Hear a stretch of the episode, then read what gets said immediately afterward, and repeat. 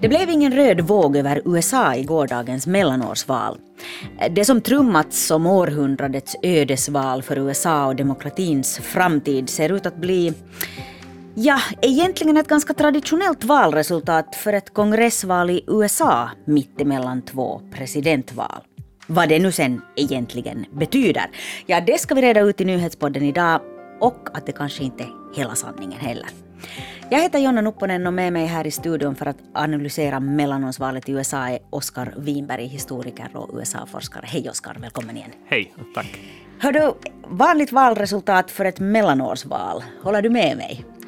Just i den här stunden när vi spelar in så, så vet vi inte ännu alla resultat mm. och, det är ju svårt att då eh, dra allt för långtgående slutsatser. Men jag skulle nog säga att, att riktigt vanligt är det inte. Alltså, eh, under de 20 mellanårsvalen under Joe Bidens livstid, vi talar ju ofta om att han är en ganska gammal man, mm. um, så är det endast två gånger som presidentens parti inte har förlorat i kongressvalet under mellanårsvalet. Då. Och, och, då talar vi om, om 98 med Bill Clinton efter att det väcktes åtal och, och Lewinsky-skandalen och så här. Och, och, så talar vi om 2002 efter 9-11. George Bush var väldigt populär. Så det, det är en ovanlighet. Och just nu vet vi inte riktigt var det landar, men det ser ganska klart ut att Republikanerna inte går till någon slags stor seger. Just det.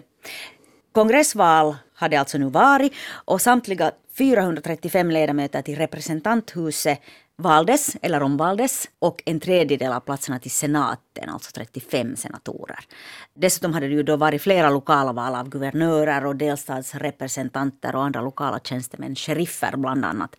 Mellanårsvalet brukar ju då gå dåligt för det parti som innehar presidentposten för tillfället och det är ju nu då inte säkert att republikanerna tar makten i senaten. Men det ser väl ganska säkert ut att de tar det i kongressen, eller hur?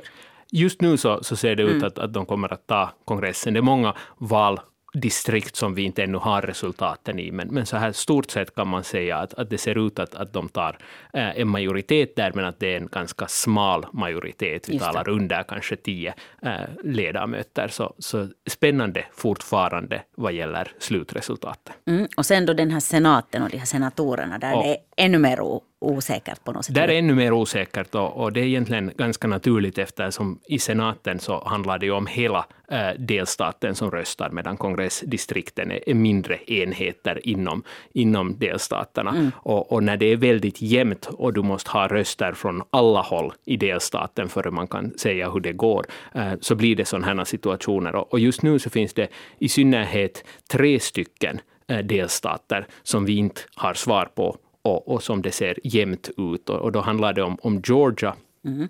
i, i sydost, äh, eh, där äh, en demokrat överraskande för två år sedan vann och nu ställer upp på nytt. Och, och frågan är att, att kommer han att, att säkra valet där eller inte? Han leder just nu, men, men Georgia är problematiskt. Om man inte får mer än 50 procent av rösterna så blir det omval en månad senare. Aha, så, så det kan vara att, att vi hamnar, vänta till 6 december och, och köra andra omgång då. Sen har vi i sydväst två delstater, Arizona och Nevada, som ser ganska likadana ut och, och situationen i den är att det i båda eh, demokratiska senatorer som är upp för omval utmanas av republikaner och läget är väldigt jämnt. Och i de här delstaterna, i synnerhet i Nevada, så kommer det att räknas ännu röster i flera dagar eftersom det handlar om, om post röster. Och där är det så att, att om du har sänt, om poststämpeln är från valdagen, alltså igår, mm. så då räknas de oberoende om de har anlänt till myndigheterna redan igår eller idag, eller rent av kommer att göra det i några dagar framöver. Så, så det, när det är så jämnt så har vi helt enkelt inte svar och, och får vänta. Och situationen som det ser ut nu då är att Demokraterna behöver två av de här delstaterna för att få 50 eh, platser i senaten, vilket betyder exakt hälften. Och i och med att de har vicepresidenten Kamala Harris som eh, avgör när det är jämnt så skulle det räcka för, för seger för Demokraterna. Så två av de här tre spännande delstaterna måste Demokraterna ta för att senatens på något sätt maktbalans ska fortsätta vara det den är nu. Alldeles. Och, och det, det betyder ju då att det kan vara att vi måste vänta ända till december före vi har klarhet om det är så att, att Georgia blir avgörande, som det var för två år sedan. Just det. Vad allt kan hända under de här månaderna eftersom det kanske de facto nu blir på det sättet att vi måste vänta flera månader.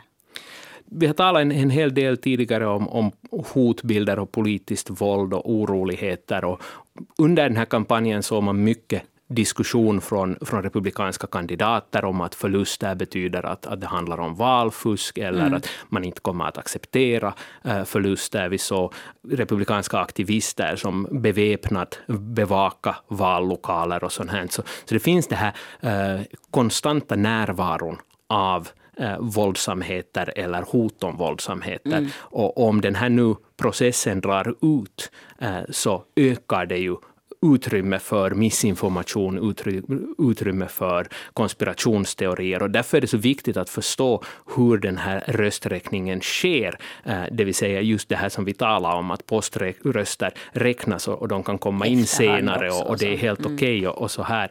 Eh, så, så det finns risk för, för oroligheter, men, men tack och lov så har hittills eh, gårdagen inte präglats av någon slags eh, våld eller eh, större eh, kamper, vare sig i domstol eller på gatorna. Mm. Eh, det svepte ju då ingen röd våg över USA under gårdagen och det ser inte riktigt heller ut som om att det blir någon stor seger för kandidater som hör till den här falangen som så att säga valförnekare eller mm. valresultatsförnekare, det vill säga som då anser att Joe Biden inte blev vald till president för två år sedan. Varför förlorar inte Demokraterna större än så här? Det är en ganska bra fråga, uh, i synnerhet om man tittar på Bidens popularitetssiffror. De är inte särskilt starka. Mm. Om man tittar på inflationen, det ekonomiska läget. Uh, det finns väldigt mycket av de här som statsvetarna kan kalla för the fundamentals, uh, som pekar på att, att Demokraterna skulle ha gått mot ett riktigt dåligt val. alltså med riktigt dåligt val menar jag att mm. de skulle tappa mellan 40 och 50 platser i, i representanthuset och, och minst en handfull i senaten. Och, och, varför det inte då blev så här, trots att, att det spekulerades om det och mycket tydde på det, eh, tror jag att, att det är lite tidigt att tala om, men, men en orsak är väl det att det inte så där traditionellt handlar om bara en president. Det är inte bara ett val om huruvida man tycker om Joe Biden, utan på grund av att Donald Trump, trots att han lämnar Vita huset, inte har lämnat Republikanska partiet och inte har lämnat kampanjarbetet. Han har inte ja. lämnat scenen, kan man säga. ja. Eh, så gör att det här är både ett omval om Biden och om Donald Trump. Och det mm. vet vi att, att Donald Trump är en person som det finns olika åsikter om honom mm. äh, i Förenta Staterna, men det är väldigt många som har väldigt starka åsikter om honom. Mm. Och, och, han har ju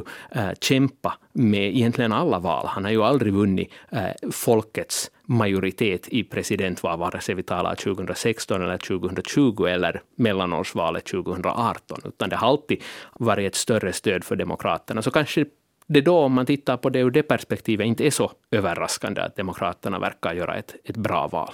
Just det, Donald Trump var liksom inte trumfkortet. Det, det, det, är ju det spännande, att han är ju mm. trumfkortet inom Republikanska partiet, vilket också gör att de här kandidaterna som anammar hans lögner om valfusk, de som mm. anammar honom som person, de gör ju väl ifrån sig när det är förhandsval, alltså primärval, när man ska mm. utnämna kandidater, för det är bara de där mest hängivna aktivisterna som deltar i de valen. Men sen ska de ju ställas inför hela befolkningen, så att säga. Och det har vi sett på, på sina håll. I senatsvalet i New Hampshire så var det en kandidat som representerar Republikanerna som öppet talade om att det var valfusk för två år sedan. Och sen när han väl hade vunnit Republikanernas nominering så började han att säga att det är kanske avklarat nu, det var Biden som vann. Så den här liksom mm -hmm. balansgången när man å ena sidan ska först tilltala republikanska aktivister och sen ska tala till ett mycket större segment av befolkningen, det gör att, att Trump är både eh, en slags kungs, kungmakare inom det egna partiet, men också blir sen ett, en albatross runt nacken för kandidaterna. Men vad betyder det här valresultatet för president Joe Biden då, för hans presidentskap och position nu? Han är ju då förstås president, eh, men vad viskas det i kulisserna? Här är det egentligen inte så viktigt vad siffrorna i slutändan kommer att, att bli, därför för mm. att det viktiga är egentligen de här narrativen som vävs av resultatet. Och det ser vi redan nu att det börjar liksom i pressen i USA, på TV, till och med på Fox News så talar de om, om hur överraskande starkt Demokraterna eh, gjorde eh, det här valet. Mm eh, och, och, det gör att, att den här bilden av Biden blir en helt annan än om Demokraterna skulle ha förlorat till exempel 50 mandat i, i representanthuset. Och, och det stärker nog hans position. Alltså en sittande president har oftast väldigt lätt för att, att vara kandidat också nästa gång om han så önskar. Det är normen att man inte utmanar partiets sittande president. Men ett sånt här val i ryggen gör att, att spekulationerna som ju bubblar hela tiden i, i pressen äh, kommer att, att lite minska, tror jag, som, som respons på att han, man kan inte liksom man kan inte bygga sitt angrepp på Biden runt att titta nu hur han förstörde äh, partiets chanser i mellanårsvalet.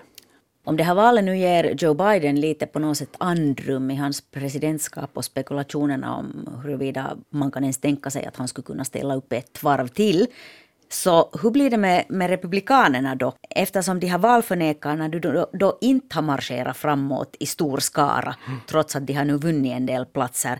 Hur reflekterar det på hur republikanerna ser på presidentvalet om två år? Och förstås underförstått Donald Trumps möjliga kandidatur.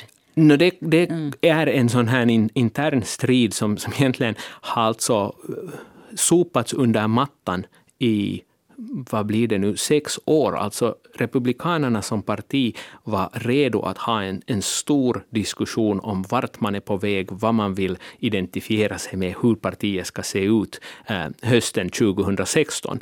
För alla trodde inom partiet att, att, Trump skulle förlora och det skulle vara dags att, att faktiskt liksom ta ut all smutsig tvätt och titta, titta hur det ser ut i, i garderoberna. Och det hände ju inte. Och mm. partiet samlades runt äh, sittande presidenten och, och, har sedan dess, äh, trots upp och nedgångar, varit trogna Donald Trump. Och det finns nu en hel del kandidater som har gynnats av Donald Trump. De har presenterat sig själva som kandidater i stil av Donald Trump, men som nog har väldigt stora personliga ambitioner och, och det är oklart vad som händer om Donald Trump för första gången på sex år skulle faktiskt utmanas inom republikanska partiet mm. av personer som har en liknande politisk agenda. Inte sådana så kallade never-trumpers eller eh, moderata kandidater, utan någon som helt anammar hans agenda men, men vill utmana honom. Och, men, men, men Republikanerna har ju inte velat göra det här precis som de har inte klarat av eller de har inte velat bryta med Donald Trump. Inte efter stormningen av Kapitolium, inte efter att han ställdes inför riksrätt för uppvigling till upplopp. Uh, nu skulle det ju då kanske finnas en, en chans, men vågar man, vill man? Ja, jag tror att, att det finns, som sagt, då, det finns de som, som vill uh, vill ställa upp i presidentval och det mest mm. uppenbara är, är, Floridas guvernör Ron DeSantis som för övrigt gjorde ett, ett bra val mm. uh, nu, så blev omvald med, med en klar marginal.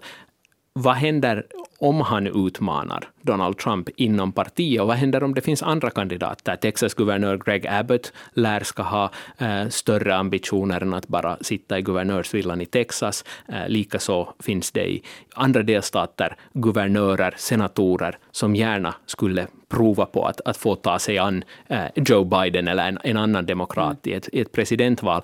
Eh, vi har sett lite tecken på att det här kan bli väldigt snabbt väldigt fult inom republikanska partiet. Bara för några dagar sedan så talade eh, Donald Trump om Ron DeSantis och kallade honom för Ron DeSanctimonious, alltså Ron den skenhelige.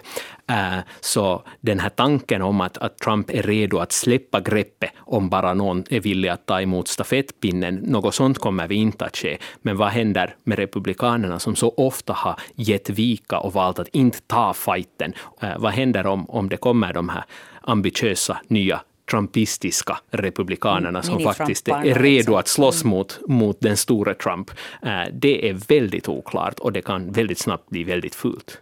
Måste man vara mera Donald Trump än Donald Trump för att kunna slå honom?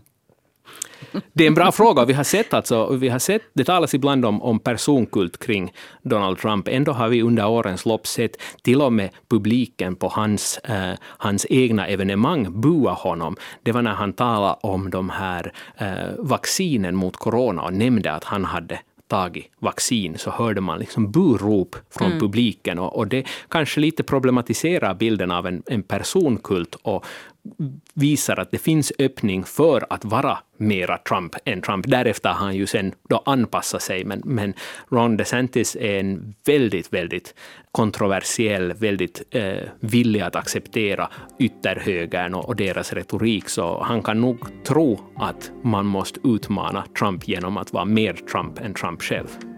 Tusen tack, Oskar Winberg, för den här analysen. Tack. Du har lyssnat på nyhetspodden från svenska YLE och jag heter Jonna Nupponen. Producent är Ami Lassila och tekniker idag är Jonny Aspelin. Fortsätt lyssna på oss.